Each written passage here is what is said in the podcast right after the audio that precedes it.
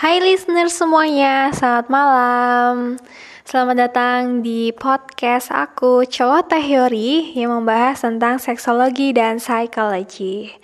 Nah, pada kesempatan kali ini aku ingin membahas satu hal atau satu tema yang berawal dari uh, percakapan antara aku dan seseorang. Nah, seseorang itu adalah Bang Fajar yang punya podcast juga tentunya. Nama podcastnya Suara FM. Nah, halo Bang Fajar, akhirnya aku bikin podcast biar lebih enak ya. Nah, uh, sebenarnya aku mau tanya dulu sih sama teman-teman semuanya.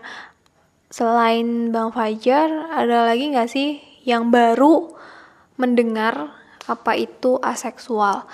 Nah, memang aseksual sendiri itu tidak atau kurang uh, happening ya seperti homoseksual, heteroseksual. Nah, bisa jadi uh, karena kurangnya happening atau kurang banyak informasi yang memberikan penjelasan tentang aseksual, banyak yang menganggap Oh, jadi orang banyak yang menganggap bahwa aseksual itu adalah sebuah gangguan seksual. Nah, jadi dari dengan podcast ini aku ingin memberikan informasi bahwa sebenarnya aseksual, aseksual sendiri itu bukan sebuah gangguan, tapi lebih tepatnya yaitu salah satu bentuk dari orientasi seksual. Mari kita bedah satu-satu ya. Nah, aseksual sendiri itu apa sih? Sebenarnya aseksual sendiri itu adalah kondisi seseorang se kondisi seseorang yang tidak tertarik pada aktivitas seksual atau tidak menginginkan aktivitas seksual. Jadi, terkadang ada orang-orang yang memang ya kurang tertarik gitu untuk melakukan aktivitas seksual, baik itu di luar hubungan atau di dalam hubungan. Nah, sebenarnya seseorang yang aseksual itu tetap memiliki hasrat seks. Jadi tetap bisa terangsang. Tetap bisa terangsang dan tetap punya hasrat seks tapi tidak mau melakukan hubungan seks. Nah, jadi bisa dibedain. Jadi ini sebuah pilihan ya, pilihan ibaratnya kayak the way of life-nya gitu. Jadi cara hidup seseorang tentang kehidupan seksual. Nah, hal ini sebenarnya karena orientasi seks itu mengacu pada perasaan, jadi yaitu jadi lebih pada kenyamanan seseorang. Ya oke aku bisa terangsang tapi aku nggak nyaman ketika melakukan hubungan seks.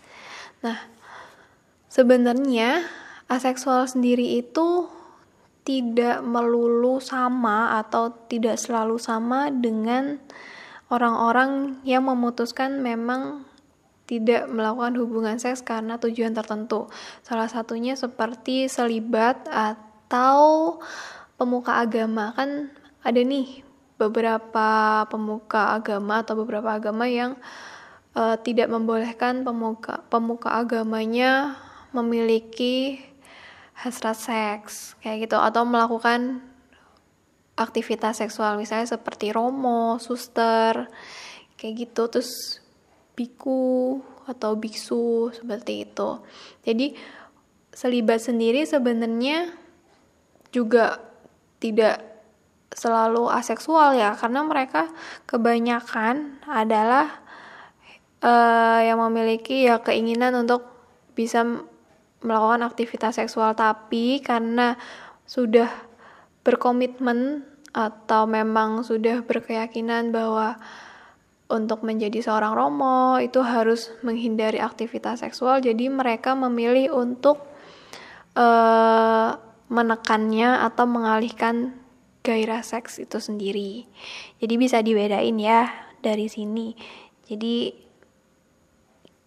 kayak gitu. nah, sebenarnya beberapa aseksual sendiri, orang yang aseksual itu tetap melakukan masturbasi, Tapi masturbasi yang mereka lakukan itu bukan karena hasrat seks, tapi karena itu adalah sebuah mekanisme pelepasan biologis aja. Jadi terkadang biasanya nih buat laki-laki ketika misalnya ada mimpi basah mimpi basah itu kan semacam uh, keluarnya sperma pada saat tidur. Nah, ketika ada kadang ada orang-orang yang ketika sperma itu nggak keluar itu tuh rasanya nggak enak badan. Jadi ya udah biar badannya lebih enak kan ya udah masturbasi kayak gitu sebenarnya kayak gitu jadi itu sebagai mekanisme biologis aja bukan uh, masturbasi itu dilakukan untuk hasrat terpendam kayak gitu gitu bayangin seseorang sambil masturbasi kayak gitu itu bukan aseksual ya guys. Seperti itu. Jadi memang uh, aseksual sendiri itu kurang tertarik pada aktivitas seksnya tapi masih punya hasrat seks. Jadi kayak gitu nih. Nah jadi aseksual sendiri juga tetap bisa memiliki hubungan romantis dengan seseorang dan bahkan juga aseksual juga bisa menikah dengan seorang yang seksual atau punya ketertarikan untuk melakukan aktivitas seksual kayak gitu. Jadi secara perasaan ya tetap bisa seperti orang pada umumnya kayak gitu seperti hetero tetap bisa punya rasa cinta tetap punya rasa sayang tapi yang membedakan aseksual jadi semacam kayak ada batasan antara cinta dan seks kayak gitu. Jadi ada teori yang mengatakan namanya cinta itu pasti ada seksnya. Tapi bagi aseksual sendiri ya cinta ya cinta seks ya seks. Jadi ada pembatasnya kayak. Jadi lebih pada hubungan romantisnya, kasih sayangnya, kayak gitu. Jadi seks itu semacam ya melakukan hubungan seks tapi itu bukan hal yang utama kayak gitu. Nah, faktornya kenapa sih kok ada orang yang memilih memiliki memilih orientasi seks sebagai aseksual? Yaitu bisa karena memang secara biologis atau secara genetis itu punya libido yang rendah. Itu bisa jadi. Terus juga jijik dengan aktivitas seksual karena bisa jadi terlalu banyak film-film porno yang mudah diakses sekarang jadi hal itu jadi terlihat menjijikan atau memang ada sejarah atau pengalaman masa lalu yang membuat mereka ya ya aku nggak mau terlalu sering atau itu sebagai seks aktivitas seks itu sebagai sesuatu yang penting dalam hidup kayak gitu. Nah, kenapa ini bukan dianggap gangguan seks? Karena seseorang yang aseksual itu merasa tidak masalah dengan orientasi seksnya. Jadi ketika malah ketika dia melakukan aktivitas seks itu malah justru membuat dia stres atau menjadi punya problem terhadap dirinya sendiri. Tapi ketika dia memilih untuk nggak deh gue nggak nggak melakukan aktivitas seks atau nggak tertarik dengan hal-hal kayak gitu dan itu bikin gue bahagia ya berarti dia tidak mengalami problem terhadap orientasinya itu. Jadi bisa dibilang ya bukan berarti orang yang aseksual itu nggak bisa menikah jomblo seumur hidup kayak gitu gitu enggak. Mereka tetap tetap bisa. Nah karena gak banyak orang aseksual jadi terkadang kan aseksual itu sendiri menikah dengan yang punya orientasi seks hetero atau punya seks yang pada kayak umumnya. Nah terkadang yang menjadi masalah itu adalah nah si pasangan ini memahami nggak apa orientasi seks si aseksual itu? Nah biasanya kan yang jadi problem kan ketika sudah sangat ketika salah satunya ingin tapi yang satunya tidak ingin itu kan menjadi sebuah masalah tersendiri kan. Dan itu bisa jadi big problem banget. Kayak gitu. Nah tinggal gimana? Apakah salah satunya itu bisa saling mengerti atau memang di awal sudah terjalin komunikasi bahwa orientasi aku kayak gini dan aku kayak gini jadi bisa jalan bareng apa enggak kayak gitu. Nah ketika beda lagi ketika kasus lain ketika itu menjadi masalah. Ketika itu menjadi masalah entah itu dengan dirinya sendiri atau dengan orang lain itu sudah masuk ke gangguan seksual. Nah, gangguan seksual atau rendahnya libido sendiri itu dinamakan hiposeksual. Jadi, bisa dibedakan antara aseksual dan hiposeksual. Hipo itu kan rendah, kalau hiper tinggi ya. Jadi bisa dibedain di situ. Nah, kalau hipo sendiri biasanya gairah seks itu gairah seks yang turun atau kurangnya ada gairah seks itu kan menimbulkan stresor sendiri. Jadi yaitu ketika sudah menjadi problem ya itu sudah masuk pada gangguan seksual. Nah, sebenarnya banyak faktor sih kenapa ada seseorang yang mengalami rendahnya libido kayak gitu, gairah seksnya kok turun dan ya sebenarnya ingin tapi satu sisi juga tidak ingin juga. Nah bingung ya. Jadi kayak ada tarik-tarikan gitu kayak ada bahkan ada yang saling bertabrakan kayak gitu. Nah bisa jadi rendahnya libido itu biasanya nggak melulu dari biologis tapi kebanyakan kasus itu justru dari psikologisnya sendiri Nah, bisa jadi adanya kurang nyaman dengan pasangan atau komunikasi nggak jalan, uh, satu sama lain visi misinya nggak sama, kayak gitu. Itu bisa memunculkan rendahnya gairah seks pada seseorang. Nah,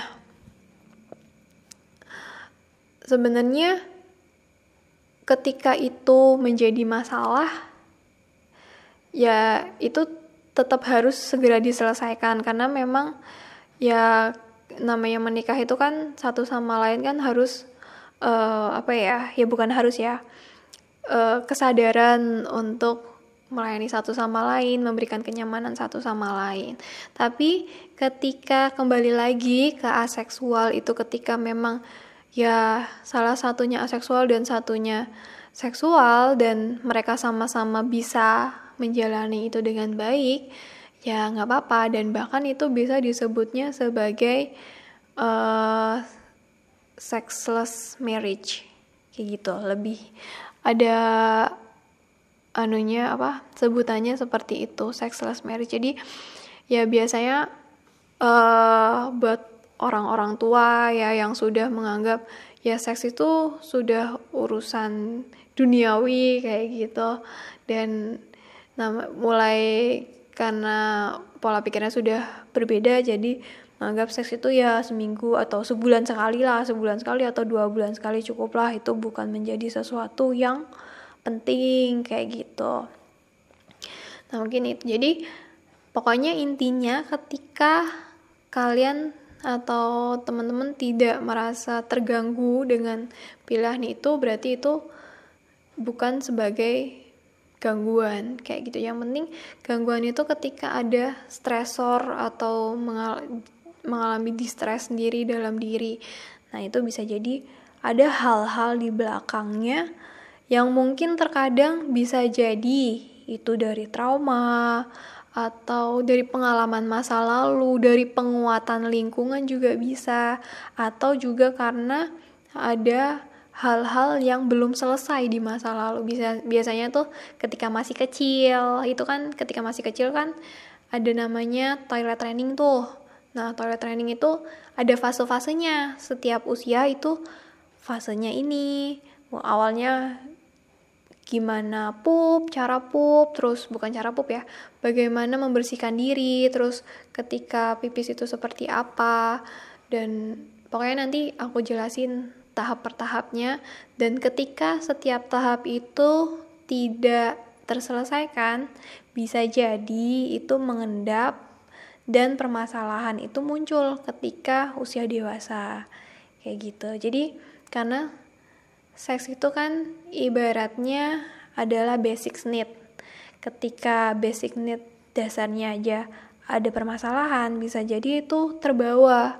Jadi ibaratnya uh, pada masa-masa perkembangan anak sampai remaja itu tidak muncul karena dia semacam mengendap ah belum waktunya nih keluar.